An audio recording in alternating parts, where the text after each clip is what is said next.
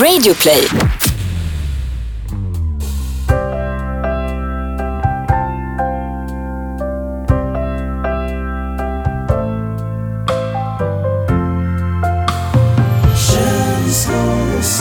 What up, what up, what up Sverige! Och eh, välkommen till känslor och sånt. Eh, till dig som är nytillkommen lyssnare så heter jag Kalle Och jag heter Niklas. och du är numera en del av känslor och sånt-familjen. Från och med nu så kommer alla dina problem att försvinna. Så länge du bara lämnar över ditt liv i gössgudens händer och lyssnar innerligt till våra budord varje vecka så kommer du uppnå frälsning. Är det så? Mm. Så är det. Det låter ju lite nu Kalle som att känslor och sånt är lite av en sekt. Eller kanske en eh, religion. Ja, lite så är det ju. Men det är också eh, anledningen till att vi är lite eh, religiösa, lite frireligiösa idag är ju faktiskt att imorgon så ska vi på ett himla event alltså. Ja, vi ska ju till en festival för andra året i rad. Och den här eh, festivalen heter Frizon. Ja, det är Guds festival. Ja, men det är kul. Man kan, för er som inte vet vad frizon är så kan jag eh, läsa vad det står på deras hemsida här, för det tycker jag sammanfattar ganska bra. Eh, det står så här. Frizon är en festival där kulturella uttryck och kristen tro utmanar och formar varandra.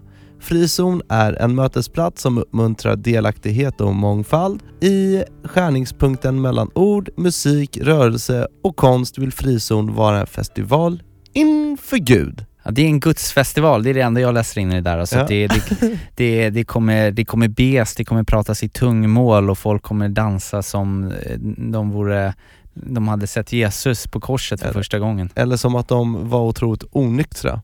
Ja, Men det är de ju inte, de Nej. är ju nyktra. Det är ingen alkohol på den festivalen. men anledningen till att vi vet att det är en hype är ju för att vi var ju där förra året. Mhm. Och det, vi tillägnade ju sen ett helt avsnitt i princip åt att prata om den här festivalen, för jag tyckte att det var väldigt spännande. Mm. Och sen så har ju du Niklas också ett förflutet, det tycker jag låter coolt, ett förflutet inom eh, frikyrkan. Ja, ja men det har jag ju. Och för mig förra året då var det som att kastas tillbaka liksom tio år i tiden till frikyrkan och sen hade jag ju faktiskt varit där en gång när jag var 15 också, Mm. på festivalen.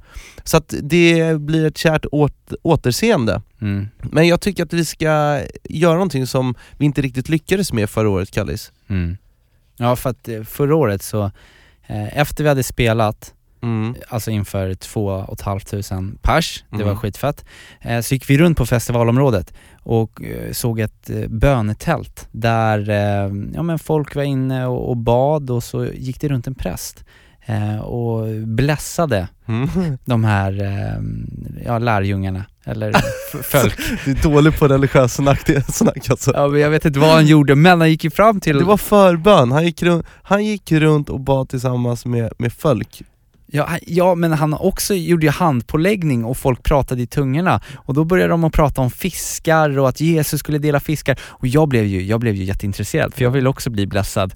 Jag, jag, tänk, jag, jag drogs ju verkligen till det här med att man eventuellt skulle kunna lämna över alla sina problem i Guds händer. Ja. Det tyckte jag verkade vara toppen. Så jag la mig ner där mitt eh, i bönetältet och hoppades att den här prästen skulle komma förbi och göra, lägga sin hand på min panna och dra ut alla jävlar som finns inom, inom mig. Och det var så kul, för där låg du ensam ihopkrupen som en liten krympt räka med en liten filt och, och, och så låg du och så spanade du över axeln hela tiden och du ville så gärna att den här prästen skulle komma men, men han, han såg dig inte, eller så total ignorerade han dig för att du hade så mycket onda spöken i dig. Mm. Jag vet inte vad, men han kom aldrig fram.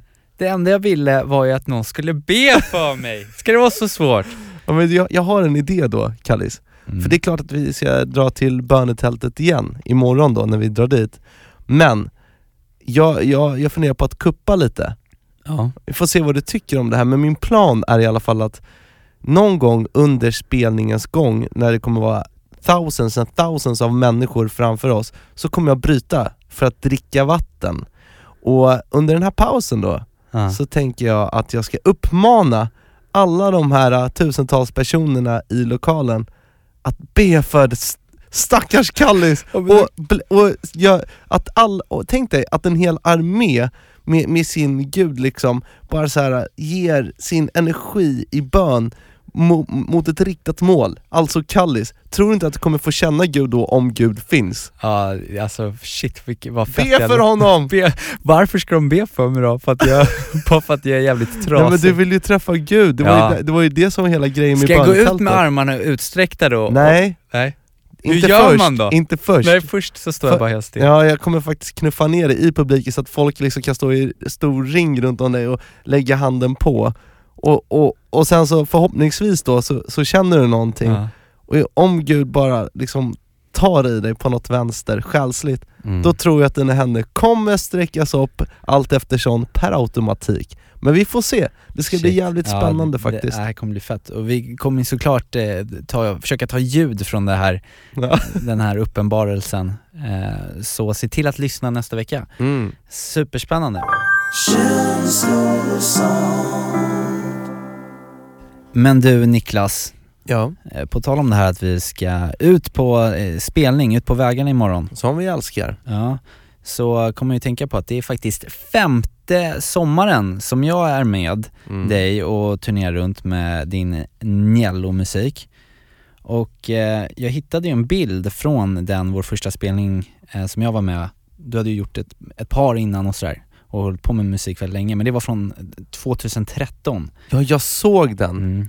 Oj, det, det har hänt mycket sen, sen den. Ja, det har ju varit togs. ja, men fem sommarturnéer, över 250 spelningar, x antal låtsläpp från ditt håll.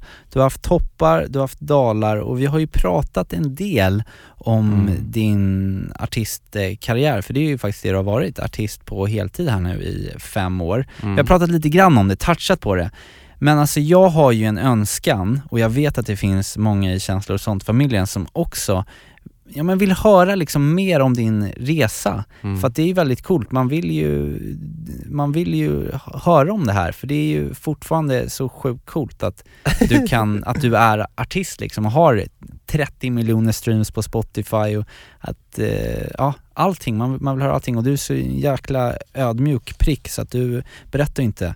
Men du Mm. tänker inte bara att du ska prata om allt som går bra utan kanske ja, lite allt möjligt från hur du upp, har upplevt din ja, och du, artistresa. ja, och du, jag blev, du ringde till mig häromdagen och, och cravade lite efter sån här eh, typ av story. Så jag, jag, satt, jag satte mig faktiskt ner och eh, skrev ner en början på någonting som jag då tänkte skulle kunna bli någon schysst liten följetong i podden. Mm. Alltså en, en ny punkt Ja, kul. som då, eh, som jag tänkte kalla för Nielos musikresa. Oj. Vad, vad, vad tror du om det? Jag tycker det är rätt bra. Och du, du börjar den här nya punkten med att eh, prata om dig själv. Ja. Din egna resa. Älskar det. Bra Niklas. Ja, nej men eh, äh, vi, vi får väl göra ett försök och så får ni väl eh, se om ni ens tycker om ja, Ja, Jag det är klart vi inte. kommer tycka om det. ja. Ja men ska vi då snurra den nya vignetten till Niellos musikresa!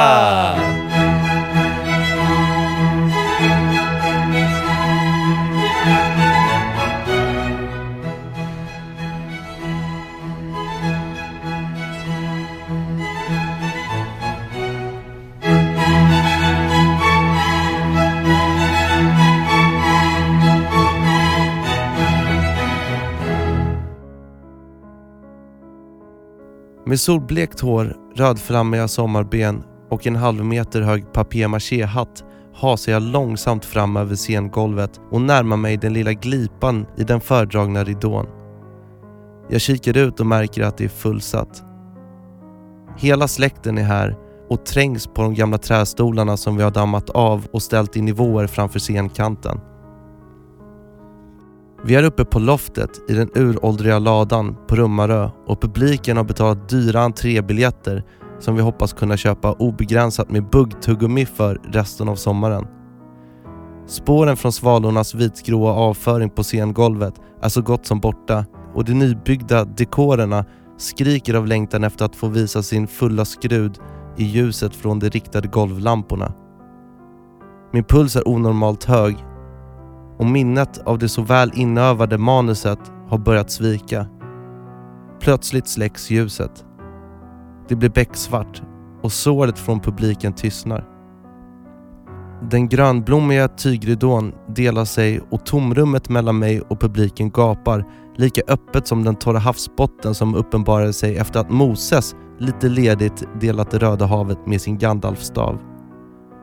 Nu var det bara att kliva fram, två steg, öppna munnen och göra det jag älskar mest. Sommarshow.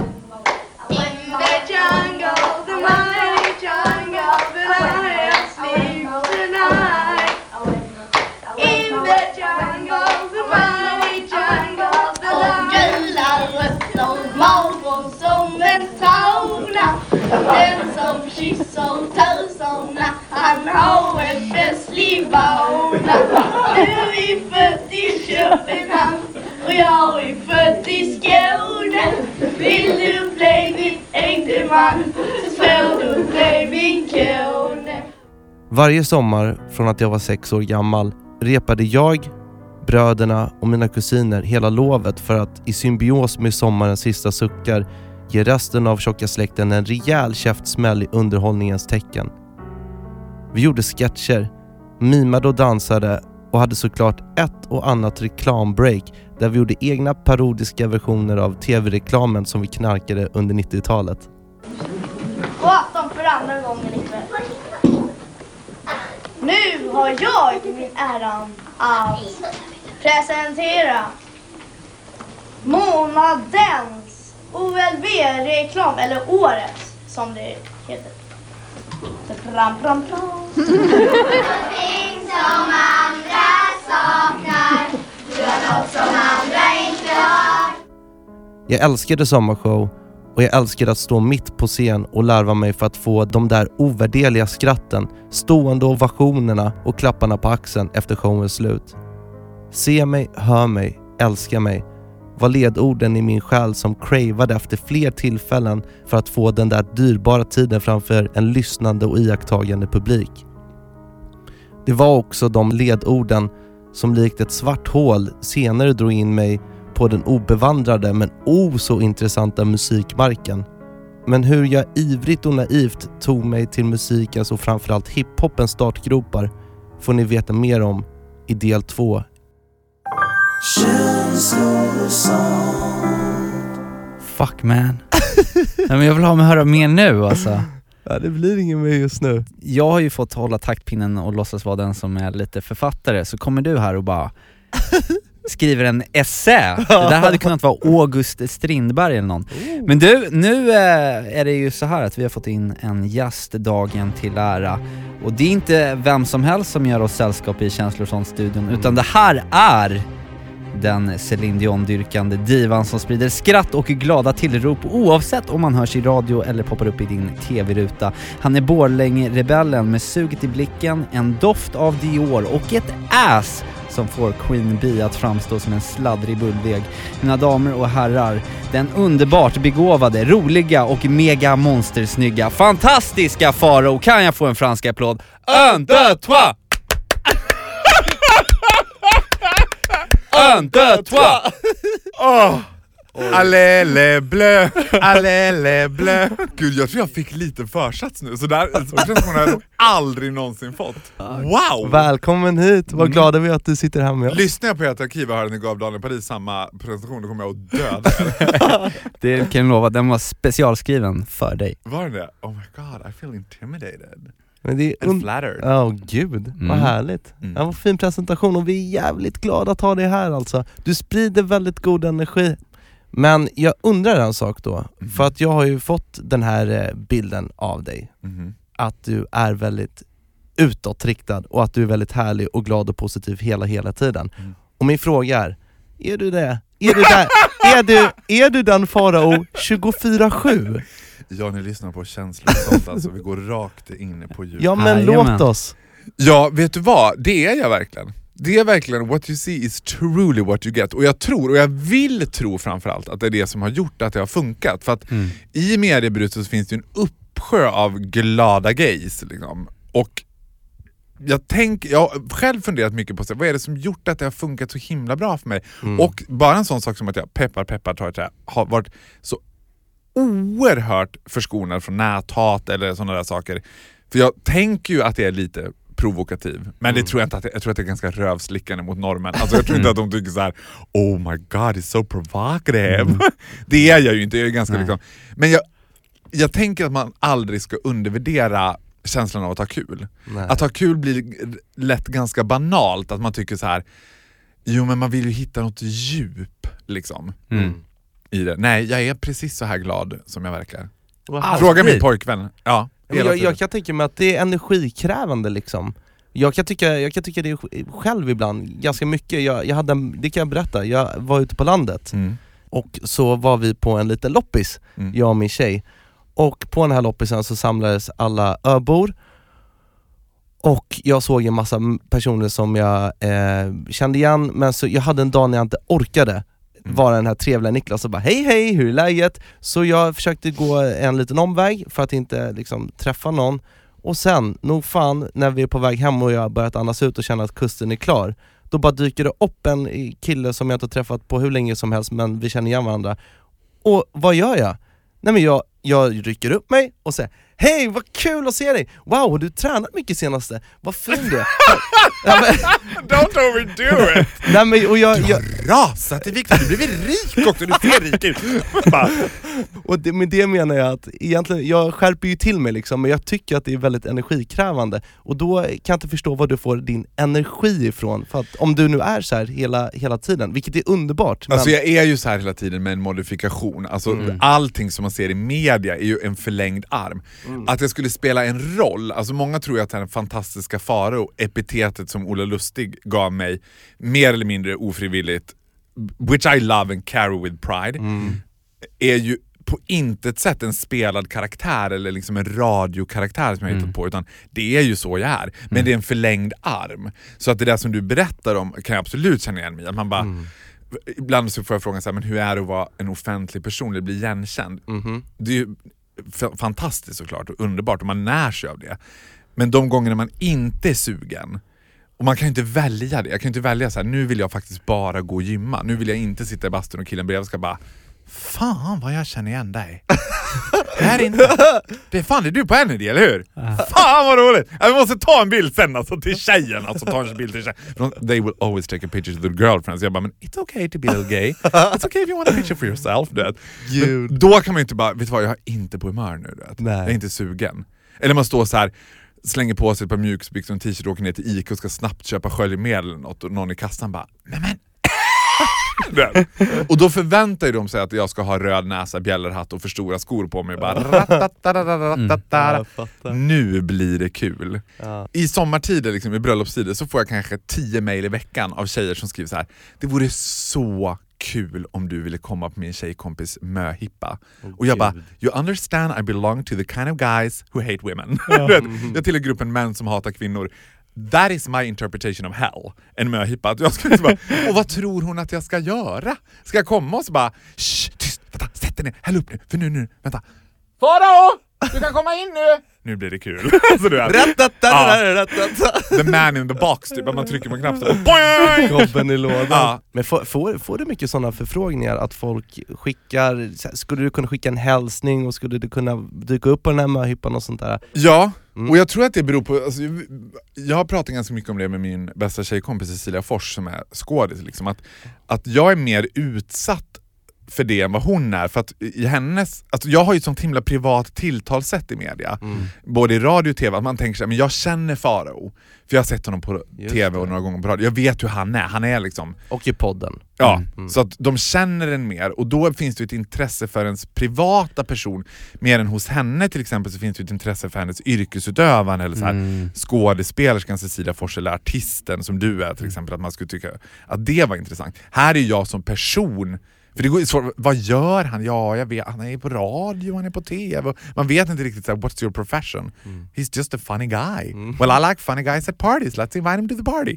Det är den största missförståndet om mig, att jag är fest 24-7. Han är ute onsdag till söndag, up the wall, party like hell.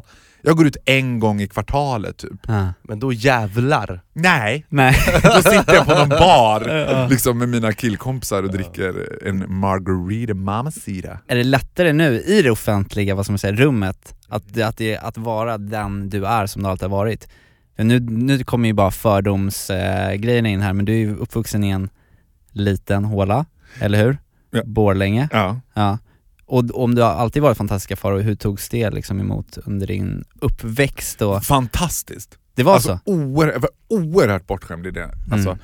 Och för mig har ju liksom, vill man sticka ut och vill man vara annorlunda så är ju en småstad mycket mer tacksamt. Det är mycket svårare att sticka ut i Stockholm. Ja. Sticka ut i Borlänge räckte ju om du hade liksom en lila fuskpäls så tyckte folk bara han är ju up the wall den där killen. Nej men har du sett vad han har på sig? Det här är, ju- det här är för roligt. Och då tror jag också att det blev så här. Borlänge i sin tur var, när jag växte upp, precis i en period när det var väldigt mycket skit kring Borlänge, det var Sveriges kriminellaste stad, det var liksom, så för dem var det lite skönt att bara, ja men vi har ju en bög. Jaha. Vi har en bög som vi gillar, du vet. Och så var det lite tjofaderittan och du vet. Och det var också ett varv till ska man veta. Att det var inte så, hade jag spelat i Borlänge Hockey och varit en vanlig kille som kom ut som homosexuell, ja men då kanske det hade varit tuffare. Mm. Här var det mer exotiskt och spännande. Att, liksom. Mm. Ja, och, att, och att jag också tänker att jag är ju väldigt bonnig. Mm. Alltså ganska ofta, och jag tror att det här beror på att jag är bög, så tillskrivs jag epitetet av att vara glamorös eller så här, en gla No I am not very glamorous. Alltså, du. Ja men hur, eh, jag har inte koll på, hur, kom, hur tog du dig in i, eh, i mediahålan där du är nu, eller media Nej men det bruset? gjorde jag inte. Nej. Alltså det var mediebruset som tog i, i In mig. Du Och var det headhuntad. Nej men vet du vad, bokstavligen, literally talat så var jag headhuntad. Och, och det gör ju också att det blir så himla Wow. paradox, för det är också många som frågar mig så här, men hur ska man lyckas i... Ja. Framförallt mycket unga killar, så här, som hur ska man lyckas med en podd, eller om man själv vill jobba med radio, hur ska man göra? Du vet? Mm. Och jag bara, God just be different I guess. Mm. Jag var på ett uteställe i Stockholm, sprang på Roger Nordin då som var ankare på den tiden Just på. Vakna med Energy. Och han tyckte väl att så här, vilken kul figur, liksom. jag har ju ett radioprogram, vill du komma? Och då hade, jag lyssnade inte på radio själv, Nej. så jag tänkte ja men, det, ja men det kan jag göra, det verkar kul. Ja. Och då skulle jag vara mer som en så här flyga, eller liksom, jag skulle bevaka kändis-Sverige Ja. och berätta roliga grejer om kändisar. Och vad det- kul första grej. Ja fast jag själv tyckte såhär, "Nå, jag vet inte om det är så kul för att jag känner inga kändisar. Lotta jag, Engberg. Det sa ni. Ja men det måste ju också vara målgrupp som man är så Ah, noga med på Energy, just så det. då var det typ Erik Sade kanske, man, Mm. Danny Saucedo på den nivån. Och jag Mm. bara, hur mycket roligt finns det att säga om Erik Sade? Du Mm. vet. Det, så då frågade jag, men kan jag inte få berätta om mig själv? Du vet? Och då var de ganska skeptiska till det. Så, ja, som man säger på radiospråk, jag vet inte om det kommer flyga liksom, i radio, Aha. men ja, vi kan prova en gång. Men de chansade och lät dig få öppna käften. Ja, och då var bollen i rullning. Ola Lustig då som var en av programledarna, han tyckte att det var väldigt kul. Men de andra var lite så här. Har vi skapat ett radiomonster nu? Liksom att här, han är unstoppable. Det här är, det var lite för bra tror jag Roger tyckte. Ja. Det här is not the way I planned it. Du vet. Mm. Att man blev lite orolig för sin egen. But I've always been the way I am. Men ut, jag gjorde ju ett program på TV4 som heter Vardagspuls, träning och hälsa med mig. Agneta Sjödin och Kristin Kaspersen. Men det var väldigt, väldigt kul. Jag har ju varit förmånen att jobba med liksom det är typ bara Tilde Di Paula kvar som jag inte har jobbat med av Ja. TV4s Big Five. Liksom. och då var det mycket att jag skulle intervjua vanlisar och det var en utmaning att skapa ett rum där de kunde slappna av. För ofta sett, de kan vara jättehärliga när man kommer dit och, man har, kom- och så sätter man på kameran. Mm. Då bara, Låser det sig. ja. Och också att få folk att inte titta i kameran. Det är en, borde vara en Fångarna på fortet-gren. Ja, Men vad hade du för tricks då för att de skulle känna sig avslappnade och att de skulle börja snacka ordentligt? Nej, men det jag tror, för det första, ett, folk älskar att prata om sig själva. Mm. Två, om jag skulle ge ett tips på intervjuteknik så är det också att vara intresserad av vad de svarar. Mm. För ganska ofta, så, jag har varit gästat väldigt mycket poddar, gästat, blivit intervjuad du vet, så här. Mm. och ganska ofta kan man säga att folk har suttit och kommit på bra frågor. Det här är en bra fråga. Mm. Men man märker att de inte är ett dugg intresserade av vad jag svarar, för de har inga följdfrågor, inte på liksom. Så fort man är intresserad av vad folk har att säga på riktigt, då kan man fråga dem vad som helst. För jag tänker så här, jag kommer ihåg att jag intervjuade mycket sportprofiler då när jag jobbade på TV4. Och det blev ju jätteintressant för de är inte lika slipade som artister eller liksom, filmstjärnor. Ja. Plus att jag vågar ju fråga sånt som folk verkligen ville veta. Mm. Istället för Ge ett fråga, exempel. Ja, men jag kommer ihåg att jag intervjuade Robin Söderling och min första fråga var så här, har du duschat med Rafael Nadal? Du vet? Ja. För att det är ju spännande det här med delar de dusch. Han bara, ja det gör vi faktiskt, vi, vi, man delar omklädningsrum. Ja. Och jag bara, det är ju en helt absurd känsla att förlora US Open mot någon Ja. och sen ska man duscha ihop. Typiskt som man inte tänker på men som, man, som du säger, som man det verkligen är skulle helt vilja veta. otänkbart att AIK och Djurgården skulle bara, äh, vi vet vad, det, duschen är trasig, att vi får dela omklädningsrum med Djurgården nu typ. Ja. Eller Ja, så skulle det prevent liksom, football violence, what do I know? Jag har ju också en tro att män, mötet mellan män i ett omklädningsrum, det är magiskt. Ja, men vi, vi har ju snackat en del just om omklädningsrums, dels omklädningsrumssnack men också just bastun. Bastun är ju en väldigt intressant eh, plats. Vi hade en lång But you don't need to tell me that. Nej, men vi, vi, vi hade en utläggning om att det finns liksom, det är så hierarkier. Bast. Bastuhalfan, alfan som sitter liksom längst upp, skvätter på vatten och... eh, Och, och att det också ofta är en liten kamp om vem som kan sitta längst. Jag är ju bastuns banerhållare, I'm like the queen of the sauna. Jag älskar att basta och jag är extremt duktig på att basta. Jag tycker att ha nakenhet alltid är spännande men i synnerhet är nakenhet inte sexuellt. Mm. Alltså när det blir en, en tvungen nakenhet som inte är sexuell. Men gör du snoppbocken, Snoppbocken. det är att du går in i bastun, du har ansiktet ner mot golvet lite grann för du vill inte uppenbart så här stirra på alla, men du kollar upp och sen så en millisekund så passerar du alla snoppar för att bara iaktta dem. I'm more of an ass man. to be honest with you, men alltså så att en kuk är en kuk, a lump dick is a lump dick. Det är därför jag älskar när, när liksom killar blir nervösa av att det plötsligt kommer in en bög i ett omklädningsrum. Då vänder de sig alltid om och ställer sig med rumpan mot den och håller för kuken och det Jag bara, älskar du. "Ka-ching!" Men, Jag får så lust att bara viska till dem, I like asses too. det ska Nice vara så ass. jävla kul. men har du någonsin, är det någon någonsin som har, så här, som har vetat om då din läggning och bara så här, liksom sagt att nej det här får du inte vara eller något sånt där? Alltså, här får du inte vara. nej, nej vänta! Jag älskar dig Kalle! Jag skulle se när någon kom fram och satt bara, nej här, här får du inte vara. Choo, choo, Get away you. Okej, Weird, vänta, you. Nej okej, Som den- man men- en hund liksom. Nej, men- Go away, go away Ja, men, fan, jag, blir, jag blir alltid nervös när jag är runt omkring dig. Men okej, nej, den Varför här, blir du det? Men jag vet inte, men den här frågan då, för det här, nu på tal om... Nej men vet min- du vad, det är en bra fråga. Så här, vänta stopp, jag ska, jag ska svara på en fråga seriöst. Ja. Det har aldrig hänt att någon har kommit Nej. fram och sagt Go, go away you. fick du okej. Men däremot så blir det så här, och det förstår jag, att så här, i en omklädningsrumssituation som uppenbart inte är sexuell, för det är hela Mm. poängen med omklädningsrum, och det är en tvungen nakenhet, vi är tvungna att duscha med varandra. Liksom. Så det är klart att när det plötsligt då kommer in another pair of eyes, Ja. som så här, plötsligt är man betraktad. För många killar kan gilla att få en komplimang på krogen av en bög eller tycka så här. Jag tror att båda ni två skulle kunna relatera till att skulle vi springa på varandra på Sats i duschen, så i en millisekund hade ni bara "Hå! Uh, Okej, vad, ska, ha, vad har jag för approach nu? Liksom? Ja. Vad är det här? Ah, tja, eller ska man öppna med en kram? Eller det är lite nära? Nakenkramas. Ja, naken Tjena, länge sedan! jag älskar det liksom. Men att det finns någonting, för att, och det är ju självklart, för plötsligt, den här myten när bögar får frågan så här, hur är det att duscha med killar? Och alla bögar ska bara, ja men det gör väl ingen skillnad. Nej. Bullshit! Eller hur? It's a candy store! Ja, men- jag bara, the, I go to the gym for one reason and one reason only. Ja. Men det är det jag tänker, för det var en av mina alltså, största fantasier när jag var yngre, var ju att jag tänkte så här: tänk om man var osynlig och kunde gå in i eh, Ja. tjejernas Ja, omklädningsrum. Men vet du vad, vet du Kalle om du gjorde det? Du skulle nog aldrig mer ha sex med en tjej tror jag. Nej. För being brought up by a pack of wolf ladies, Ah. alltså jag är ju som Mowgli bland tjejerna. Tjejer är ju så jävla äckliga. Ja. De håller på, på, håller på med mycket äckligare grejer än vad killar gör. Du vet. Berätta! Nej, men klämmer pormaskar och klämmer du vet, mycket så kroppsvätskor, Oh. byter tamponger med varandra. Nej, Slidsekret.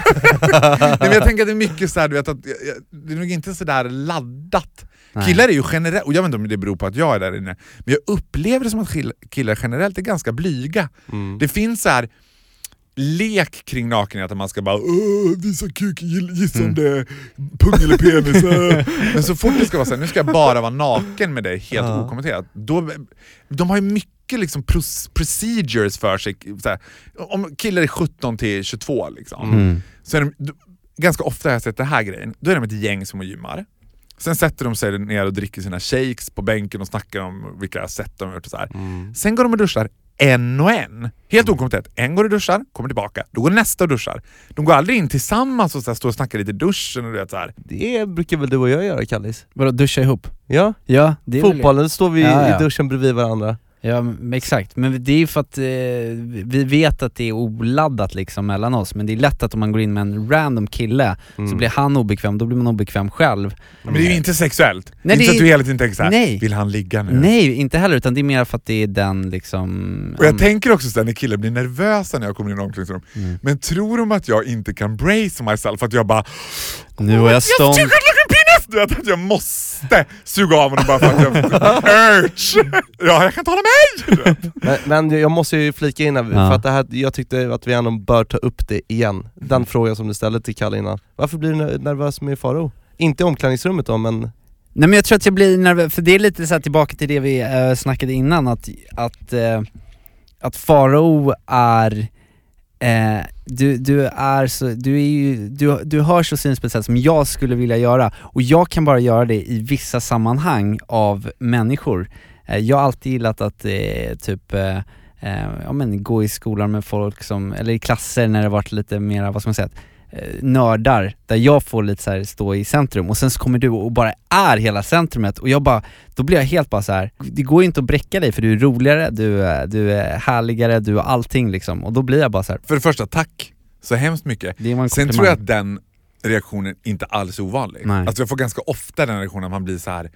Och jag tror att det är som så här white people talk black, du vet. Att det skulle Mm. komma in en, en färgad person och prata liksom jamaicansk hiphop-svenska. Att man, att man också blir så här. den ingrediensen finns där, vad, vad ska, jag, ska jag snacka som han nu eller ska jag liksom Mm. köra på det? Eller, också så tror jag att folk är oroliga att hamna i skottlinjen. Ja. Att bli utrymme för skämten, Ah, att så här, kommer han att börja det. driva med mig nu eller kommer jag bli så här ah. för det finns ju, alltså mitt sätt att hantera straighta killar till exempel är ju att hela tiden vara in their faces. Mm. Det mest naturliga skulle vara att man bara kanske tog ett steg tillbaka eller man anpassade sig. Mm. It's not really my thing. I don't apologize for myself. Nej det ska man inte göra heller. Det- Nej, men, men det har också gjort att det var väldigt intressant. Jag gästade en annan podd för några veckor sedan och då sa hon så här i intervjun, hon bara ja, du som är väldigt engagerad i hbtq-frågor och jag bara No, Nej. I'm not. Just because I'm gay. Det var som att jag bara, nej snarare tvärtom. Det är snarare Ja. som att jag bara, att jag är som liksom lika feminist som Kylie Minogue är feminist. Du vet. Mm. Att man använder sig av sin homosexualitet som ett sätt att liksom ta plats och märkas som kanske inte är så himla politiskt ut... Du Mm. vet. Alltså den vita homosexuella mannen är ju den värsta mansgrisen idag. Ah. Jag kan ju bete mig på ett sätt mot straighta killar som ni aldrig skulle kunna bete er mot tjejer. Mm. Alltså om vi vänder, jag skojade med ert när jag kom här, Eh, Kalle då skickade ett mail till mig och skrev såhär, men du kan komma, vi sitter i poddstudion. Och då svarade jag, på gammal bögslentrian bara, ja men vad bra, klä av er killar så kommer jag. Men, du vet, hade du, skulle, Och skulle då du blev han nervös. Ja, men tänk om du skulle intervjua Sara Larsson, du hade Ja. bara, ah, du kan visa pattarna när vi börjar. Du hade, Nej det hade inte funkat Nej, men hon hade alltså. slagit ihjäl dig. Ja. Det hade blivit första löp på Aftonbladet och nu rasar Sara. Backa Sara igen! Ja. just det. Jag var den enda som trodde att backa Sara betydde backa Sara. Det räcker nu, backa. Jag bara, åh, Men jag tycker också det är så jävla härligt för att det du har i din humor också är ju att du driver med dig själv också och det är det största liksom, vapnet för då kan du ju också driva med allt och alla andra liksom. Men du har självdistans Ja. som är jättegod alltså. Tack. Så Men gud killar, vad håller ni på med? Det här känns helt...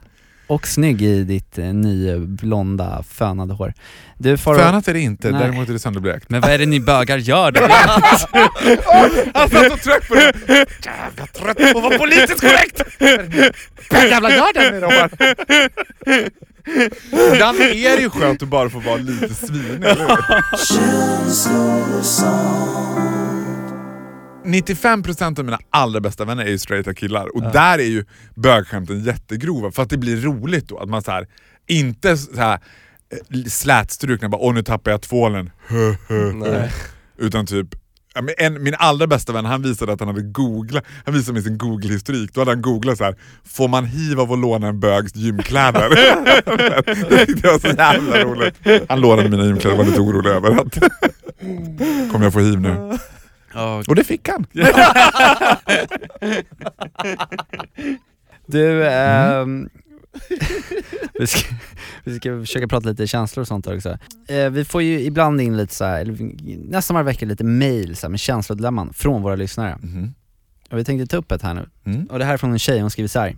Hej på er fina killar, jag har ett litet känslodilemma. Jag har varit tillsammans med min kille i snart tre månader och nu ska han flytta till Göteborg för att plugga.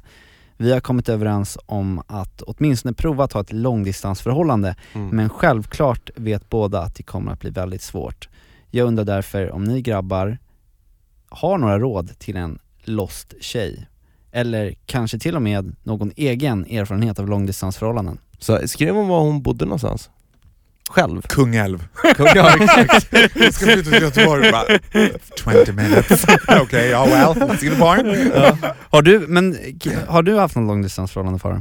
Ja, det har jag haft. Alltså, och då har det varit samma situation, att man har varit tillsammans i Stockholm och sen har personen flyttat. Mm. Liksom. Och det kan ju vara en utmaning. Fast jag tycker att det inte alls är så särskilt jobbigt. Nej. Det blir också så att man får fokusera på det som är positivt med långdistansförhållande. Och det positiva, okej jag fattar hela den här grejen, men man kan inte ses lika ofta som man vill och man Mm. kan inte ses på det här otvungna sättet när man bara liksom kan ja, men komma över till varandra, eller man till och med Mm. bor ihop. Men däremot så blir ju gångerna man ses på mycket mer exklusivt. Mm. För om man har varit tillsammans så här, ja, men, säg ett halvår eller mer, Mm. och man kanske börjar flytta ihop så här. Då är- börjar man ju snarare behöva fokusera på att ses på riktigt. För man ses ju ändå alltid när man kommer hem. Mm, Just det. Så man börjar sluta hitta på exklusiva saker med varandra. Men ses man, de kommer ju kunna ses varannan helg, kanske är realistiskt. Säg att hon bor i Stockholm, vi utgår Ja. från det. Och han bor i Göteborg. Ja men varannan helg kommer de kanske ses. Då kommer ju de helgerna att bli så precious. Han kommer att avsätta tid, hon kommer att avsätta tid, de kommer att gå Ja. ut och äta, de kommer att gå på bio, de kommer att knulla som fan. Du vet. Så att, thumbs up. Ja. I think it'll save the relationship. Det är bra, det är bra. och eh, Och tre månader in är ganska bra också. Det är svårare tror jag om man tillsammans längre. Mm. Mitt tips, fokusera på det positiva. Ni kommer ses mycket mer exklusivt, det kommer bli mycket trevligare det ni finns, ju, det finns ju Facetime och allt möjligt liksom. Tänk förr i tiden när man skulle åka ut på de sju haven i, var borta i typ 11 år och så skrev man ett handskrivet brev. Nu är inte jag jättegammal, men när jag flyttade till London Mm. när jag var 18, det blir ju alltså ungefär 15 år sedan. Oj. Då var det sådär att man skrev brev hem. Alltså för vi hade ingen dator där och skulle man mejla fick man gå till en, en internetcafé. Mm. Jag skrev något till mig, men det var mycket, och jag brevväxlade med mina vänner och Ja. man ringde hem en gång i veckan, då gick man till ett ringbås och satt sig och bara I to call Sweden. De bara yes it's eh, 12 pounds. Typ. Så satt man där och bara Hej mamma, ja det går jättebra nu, nu har jag fått jobb.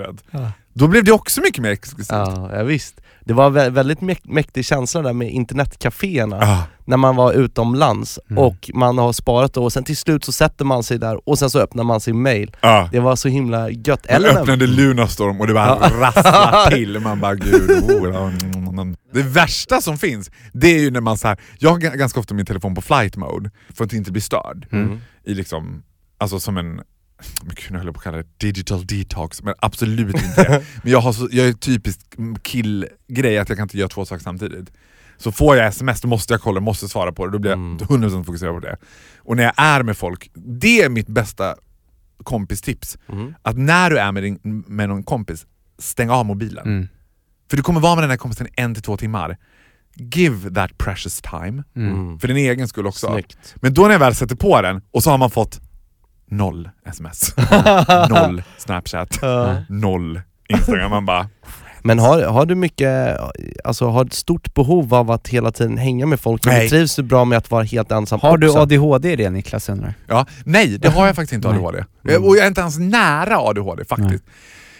För att ADHD är ju koncentrationssvårighet och det har jag inte alls. Alltså jag har mycket energi, I'm all over the place and I'm very loud. Men jag har inte ADHD sådär att jag, du vet, en av mina kompisar, Samir Badran, som har full blooming ADHD, Mhm. han har aldrig sett en film i hela sitt liv. Nej. Det är jag så fascinerad av. Jag bara, han har aldrig sett en film. Han har gått på bio flera gånger men han bara 20 minuter måste han resa och gå. Mm. Han nu kan jag inte något annat. koncentrera sig. Nej, men han vill göra något Ja. annat, han blir rastlös. Bara, Ah, det här var tråkigt, jag vill göra något annat. Ja. Eh, så det har jag inte. Och jag, upp, och jag tänkte på det du började den här podden med, Mm. att säga att du Niklas, det du började fråga så här, om energi. Jag får, dels får jag energi från andra människor. Vi pratade om det om min pojkvän, för han sa Mm. så här. Han bara, gud vad du ger mycket i servicesituationer. Mm. Alltså när jag får service, om jag träffar flygvärdinnor, eller om jag träffar servitör eller träffar butikspersonal, så då är jag extra crazy. det är ju för att jag tänker att de har så himla tråkigt jobb. Mm. Så att om det kommer någon som är lite lustig så kommer de tycka åh gud, liksom, lighten Ja. up my day. Mm. Men every now and then så stöter jag på någon där jag får, det är start i backe. Där de bara, I ain't having it. I don't think you're a funny guy. Du vet. Ja, Att de bara inte tycker jag är rolig. Och då speedar det på ännu mer. Ja. Då står jag och trampar vatten och slirar på kopplingen och bara nej nu jävlar måste jag komma på något som de börjar garva. Du vet. Men då tänkte jag på att jag liksom so resorts a lot of energy när jag är själv. Jag äl- älskar att vara själv. Jag försöker vara själv åtminstone en gång om dagen. Vad gör du då? Förutom att sätta Ingenting. på flight mode kanske? Förutom att sätta på flight mode så runkar jag som Mm. fan typ. och sen typ tar jag en cigg på balkongen och sen är jag klar. Fan. Fan vad gött. Toppen av Ja. mental avslappning. alltså, ja, och grejen är att jag typ tycker att eh, runka är som att ha sex, att man ska You should take your time, light a scented candle, have a shower before and after, du vet. Och bara nu X-tube, I'm ready, are you? Fy fan. Det har vi aldrig pratat om i den här podden. Nej. Hur ofta runkar du Karl? Alltså det. Men det här att runka i duschen, Ja. det gör mig bara som någon sorts stress relief, att man på väg till jobbet bara åh, så, nu- går man du vet. Mm. Ja. Jag tycker också att det increases your sex life. Många tänker att men nej, jag runkar inte, jag har partner. Mm. Eh, no. Mm. Ja. Och jag, men, och det här är också, nu kommer ett annat tips om sex, Ja. som ingen har bett om ett sextips, men jag ger det ändå. Ja. Att man ska never ever share porn with your partner. Många tror att det är ett bra sätt att spicea upp sexlivet, att Ah. dela porn. Nej nej nej. nej. Du har provat? Alltså, det, gud, hur, menar du, hur menar du med dela på det? Att ni skickar länkar mellan Nej, varandra? men mer eller man att ni kollar på det ihop. Ja, nej, okej. Nej, jag tror inte på det. Mhm. Jag tror att porr, jag älskar porr, och porr är en fantasi. And it should remain a fantasy. Mm. För jättemycket av det du fantiserar om vill du inte leva ut egentligen. Och med en partner så finns ju det här eviga hora-madonna-komplexet. Liksom. Att din tjej eller din kille ser du som en madonna, medan Mm. Jenna Jameson kanske, du vet, Mm. Porrskådis? ja, Mm. du ser henne mer som show me a little bit of pink, du vet. Mm. Ja, jag fattar. Att, du skulle inte vilja ta hem Jana på julafton och bara Nej, “It's my girlfriend”. nej. Men hur, hur, kan man, eh, hur, hur kan man få det liksom att funka då? Om du säger att du tänder då på eh, Jana Jameson, men jag tror så här också, att när det kommer till relationer, Ja. don't ever underestimate the importance of a white lie. mm. Typisk tjejgrej också, alltså nu är det som att jag hatar kvinnor, det gör jag inte men alltså I know them and I know Mm. they are shady bitches. Du och din tjej har det såhär, ja men Kalle du och din tjej, ni har varit tillsammans ett tag typ. Ja men tre månader typ. Ja men tre månader, det Ja. är bra, det är ändå Ja. ett tag så. Ja. Och så har ni en mysig Netflix-kväll vet, så här. och så ni dricker lite vin och så blir hon så här, men, men gud, säg till mig vad du kollar på för porr. Men vad kollar du på? Ja, men jag ska gissa, du kollar på typ så här, du vet. Men, och, du vet så att egentligen vill hon inte veta, du vet. Nej. Men hon frågar. Om du bara, jag kollar på milfs, då kommer hon bara, you said what? Och varenda gång du träffar hennes mamma kommer hon bara oh, nasty. Då skulle bara, lju- nu säger vi att din tjej är brunett latina, vi Mhm. ljuger och säger att hon är det, jag vet Mm. inte om hon är, men leker att hon är det. Då skulle du säga till henne så här, "Nej, men jag kollar inte så mycket på porr nu för att innan du och jag blev ihop så kollade jag mest på så här, typ latinotjejer, så här, lite brunt hår, typ korta, och hon bara men vad då? Som jag eller vad? Nej, men, ja men typ som dig faktiskt, de var ganska lika många av dem vet. Hon bara, är. Så du menar man ska dra den här vita lögnen och sen radera sin historik på eh, internetsajterna? Ja, men det, ja, 'cause that is sickening. Ja. När partners ber om sina liksom, partners koder till telefonen. Nej. And this, okay, listen up you guys out there. Shady bitches, de gör alltid den här låna Spotify-listan. Nej, vad har du för kod i telefonen du vet? Give her the password but make sure you change it afterwards. Min pojkvän flög, vi flög hem från eh, Costiera Amalfitana nu, Mhm. som vi var i sommar. Wow. Och då sa han till mig så det är en viss sak att flyga med dig alltså. Men det är en helt annan sak att flyga Lufthansa med dig. För då var han så här, han är, han är så här, det bästa, bästa, bästa med honom är att han, för det är en utmaning för mig, eller har varit en utmaning när det kommer till att träffa partners. Han älskar alla sidor hos mig. Inte att jag är schizofren och inte att jag spelar en roll. Men ganska ofta så blir jag uppraggad av folk som tror att det är fantastiska Farao 24-7. Mm. Att här är någon som är up the wall. Eller så blir jag uppraggad av killar som ska skrapa på ytan och se att så här, där bakom rasar demonerna. Mm. Som ska så här, varje gång jag går fest ska säga till mig, Farao, ta det lugnt. Du behöver inte.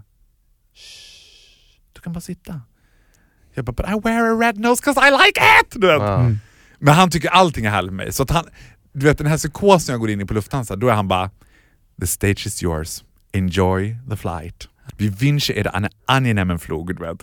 Och så sätter han på någon podd och lyssnar på något annat, du vet. Och sen får jag hålla låda. Men vad gör du då? Vad gör du då? Nej, vad är alltså, det som jag händer? Ju, jag har en vansinnigt, näst intill psykisk sjuk relation till flygvärdinnor in general, Mhm. men Lufthansa i synnerhet. Mhm. Eh, och du vet, jag älskar flygvärdinnor över allt annat. Air host, eller air hostess som det heter på engelska. Mm. Det enda jag vill göra är att folk ska sitta fastspända och så vill jag gå genom mittgång och stänga de här lådorna ovanpå när de bara sådär. Så med bra handleder. Ja, och så får man den här blicken när man så här också. Där hade du spänt fast det där ja. ja precis, tack så mycket. Det är också något med vux, Proffs. Ja, vuxna pratar med vuxna som vuxna vore barn. Det är något sådär, är också in charge på sätt att de pratar med som att man vore ett barn. Men de, har, de är så mycket in charge så man vågar inte säga emot när de bara Är du lite flygrädd? Hej gubben, då sätter du det där. Första. Ja, vad hade du, du har 14C, då är det lite längre ner där. Ja, ja varsågod. Vet, och man bara... Då vill jag alltid ha aisleplats, att jag ska sitta närmast mittgången. Mm. Och sen sekunder man får spänna upp sig, då rusar jag bak i back galley som det kallas. Det är där längst bak där de musicerar. Och sen är det ju fnitter och chatter i gallen med tjejerna. och SAS har blivit, SAS har fick så mycket med nu så de känner nästan alla på SAS. Då är det bara, då ropar de ibland såhär Farao till back alley” Jag bara Är till kabinen eller tjejer? Luft, men det är någonting med luften, den här tyska precisionen. Ja. Det en känsla man landar i Frankfurt, varenda så Airbus 320 står uppradad med millimeter precision. Wow. The German style. Liksom. Ja. Och det är fortfarande så här. De är, de är väldigt trevliga på Lufthansa, men de är väldigt uniformella. Det är väldigt mycket delar i uniformen, det är väldigt strikt, det är väldigt så här. Det känns väldigt seriöst, de är väldigt noggranna. Det är så här. Meine Damen und Herren, eine herzliche Willkommen und eine wunderschöne guten Abend und willkommen bei des Deutsche Lufthansa Unstra Alliance. Och jag bara, du vet, älskat. Men har du alltid haft det? Alltså den här, den här fetischen för... Det började som en fetisch för monotona röster, den har jag alltid haft. Alltså såna här speakerröster. att Jag Ah. alltid har varit svag för. Mitt första drömjobb det var att jag skulle börja jobba på Naturhistoriska riksmuseet i Stockholm på Cosmonova. Åh gud. Bara för att man skulle säga Välkommen till Cosmonova. Nordeuropas största inomhusbio. Och jag bara ja. Och så varje gång vi åkte tunnelbanan de bara Se upp för dörrarna och dörrarna stängs. Och jag bara Du älskar Sånt, ja. ja. men sen var det någonting, med, jag vet inte vad, det är också något med det här värdinneyrket, säkert också Mm. något bögigt att man gillar jag gillar ju snygga kvinnor, jag gillar när de, är, liksom, de har snygga kläder. Liksom, och det är det sista värdinneyrket. Det finns ju inget yrke kvar där man är värdinna där man inte ska sälja något. Nej. De ska ju bara så här: we're here for your safety, well yeah right, and comfort on, bo- on board. Liksom. Mm. Det är inte som att man, om man störtar tittar man inte på den där 22-åriga blonda tjejen och tänker åh gud skönt att du kommer rädda oss. We're going down. Sen gillar jag inte jag gillar ju garvade gamla SAS-haggor. Ja. Plus 50, Gitte, de som heter Gitte och har glasögonen på pannan varje gång man ställer en GT tar de ner glasögonen och bara Ja för helvete det var en grej det här. Ja det var, var det is i den? Nej det var så du vet så. Kire, hon har koll. Åh Wow. fy fasen alltså. Visst blir man lite glad i skallis? Nej alltså, det, det, är som, det är som att åka på en jävla karusell där, en jävla resa alltså. Du är otrolig. Och att du är också en jäkligt duktig storyteller. Det, Ja, det fattar man Vet du vad? Tusen tack! För det är en liksom konstform som Ja. jag tycker mer och mer dör ut. Och där har jag tackat mina fantastiska föräldrar, 'cause they are the best storytellers. Tusen tack om du tycker att jag är en bra storyteller. Det är så många stories alltså. Och du Faro, tusen tack för att du ville komma hit. Och tack för att jag fick komma. Du är grym. Hej då! Hej då! Det känns som att vi har åkt eh, Vilda musen på Gröna Lund eller någonting.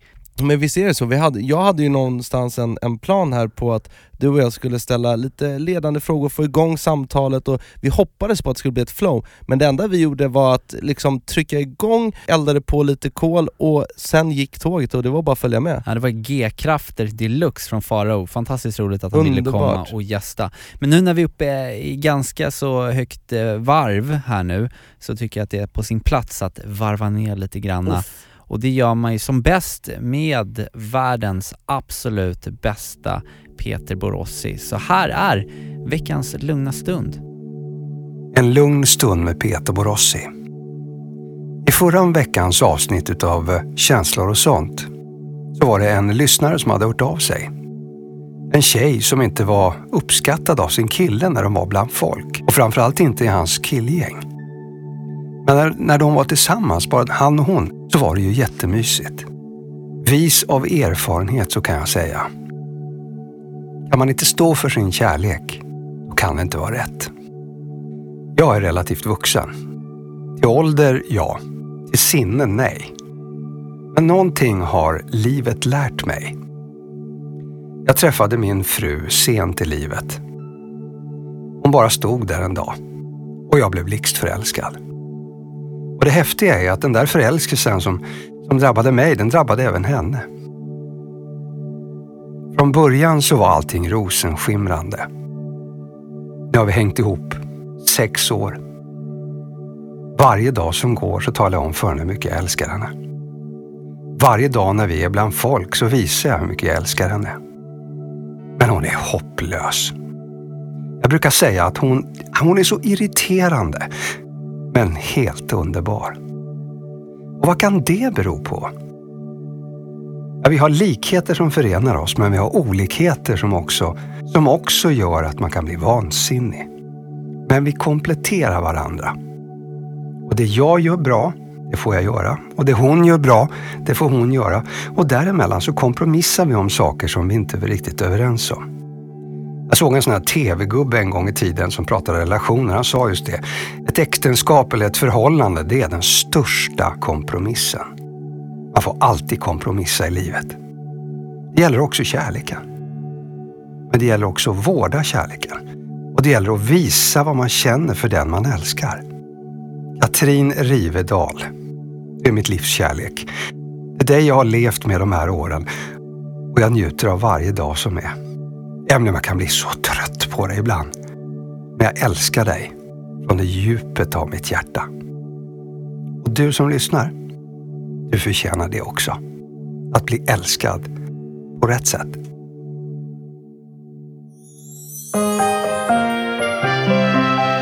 Wow, Peter Borossi. Mm. Som vanligt en mästare och eh, en insiktsfull till tusen. Som balsam för själen. Tusen tack Peter. Som är tillbaka nästa vecka igen.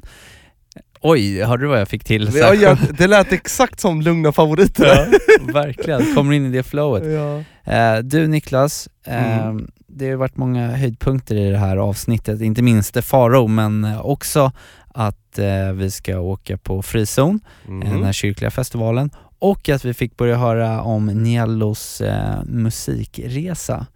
Eh, och eh, ja, du får ju ta eh, scenen här igen och Ja. berätta lite om veckans freestyle Ja, nej, men då tar jag vid. Mm. Och det gör jag så gärna.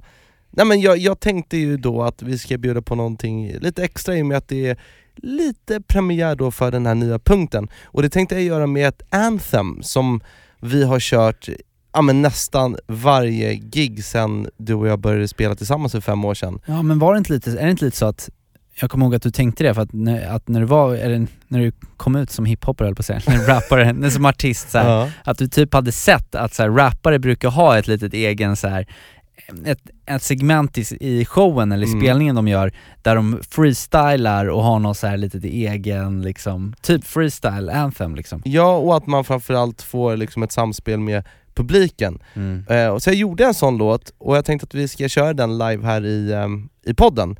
Och eh, vi kallar den för Nialo Bounce. Och alla får väl eh, hänga på Oh, där ja. ute i eh, stugorna. Oh ja. Så vi kickar igång vignetten till Veckans freestyle! May I have your attention, please? May I have your attention, please? Will the real Slim Shady please stand up? I repeat, will the real Slim Shady please stand up? We're gonna have a problem here. Yeah, yeah. Uh oh. Kallis, är du med? Yeah. Yay. Låt mig göra det jag vill göra. Ni har ingenting att tillföra. Bekväm med att tillhöra den minoritet som blir prisbelönad. Du kan flasha dina gadgets, slösa dina pengar på gamble. Vinstlägenheter på söder. Stöta dig karriären, köra Bentley, dressa dig Ben med kläder. Min i kropp kollapsar sakta. Medan jag är snygg och slimmad. Jag rycker på axlarna, tycker du är pantad och ful i det dyra skinnpaj. Jag sticker ut som en ginger. Min beröring för kvinnor, då skiljer splittrar familjer. Ingen är immun när jag skjuter ut hit som smittande basiller. Yeah, mera bas på min tallrik. Säg ni LO, ni LO bounce DJ Carl är min sidekick. Ni LO, ni LO Yeah. bounce Entouraget i taxi. Säg ni LO, ni LO Yeah. bounce Våra podd är fantastisk, känslor och sånt för alltid. Oh, oh. Woo, woo. Säg, säg, säg, säg. Jag lägger mina timmar på skrivande, filmatisering av mina idéer. Fixade session med bingo mer. Allt enligt plan som i tidrapportering. Ah, mentaliteten är nog komplicerad. Allt är kontraster till kritiker, rosade, glorifierad. Allt som Kets alla blanco propsar i media. Förvirrad och konstig, sprida på golvet som om jag hade poppers i fickan. Brinner nu nåt som en molotov cocktail. Fightas för livet som folk i Palestina. En brand mellan Robin och Beyoncé. Gått samma riktning som Vincent Pontare. Fått som jag ville. Inga konflikter, de plankar i chat som i slimmade poncho. Mera bas på min tallrik. Ni LO, ni LO bounce DJ Carl är min sidekick. Ni LO, ni LO bounce Entouraget i taxi. Ni LO, ni LO bounce Våra podd är fantastisk. Känslor och sånt för alltid. Ja, hängde du med där Kallis? Ja den där, den där har ju, den där har ju körts ett par gånger alltså, jag älskar ju, och jag älskar att eh, jag får vara med lite i textraden där Det, det är ju du som är DJ Carl är min sidekick. Ja men DJ Karl också, DJ Ja, Kung Karl det, det gjorde vi bra tycker Mm. jag. Snyggt, och vi bouncear vidare nu mot nya äventyr. Eh, ser fram emot nästa veckas avsnitt eh, när vi kommer berätta om gigget eh, på frizon och så mycket, mycket mera. Och två regler där som du ska komma ihåg när du packar väskan imorgon. Mm. Det ena är ju att du absolut inte får glömma necessären som du ibland kan göra. Och det det. andra är att du måste glömma att ta med whiskyflaskan. För den får inte vara med där. Nej Du, vi, nu är vi nyktra på den här spelningen. det ska vi vara. Men en annan kille som inte gillar att inte ta med sig whiskypinnen i är det? väskan. Ja, det kan du, kan du gissa? Är det farfar Bert? Det är farfar Bert och jag snackade med farsan häromdagen Mm. och pappa berättade om eh, livet för min farfar just nu, vad det, ja, men hur, hur han lever ute på Österlen. Och han, han älskar ju Österlen. Mm. Och en sak som han älskar riktigt mycket det är att promenixa ner till samhället. Han går in i affären Mm. eh, och där så stöter han ju på original. Han Mm. har ju varit där så länge så han känner ju varenda rackare där. Och då tycker han att det är så kul när de gnabbar och tjatar och han iakttar allt. Och det är många av de här originalen som han har bjudit upp till sig. Och då, eh, och då brukar han ju bjuda på en liten lunch. Han brukar dra upp lite sill och han brukar bre på lite saltskinka på de där österlenska bröden och sen brukar han hälla upp en liten nobbe för att fira livet. Och det gör han bäst genom att bara säga en sak. Han säger Hej då! Baby, can't you see I'm calling a guy like you should wear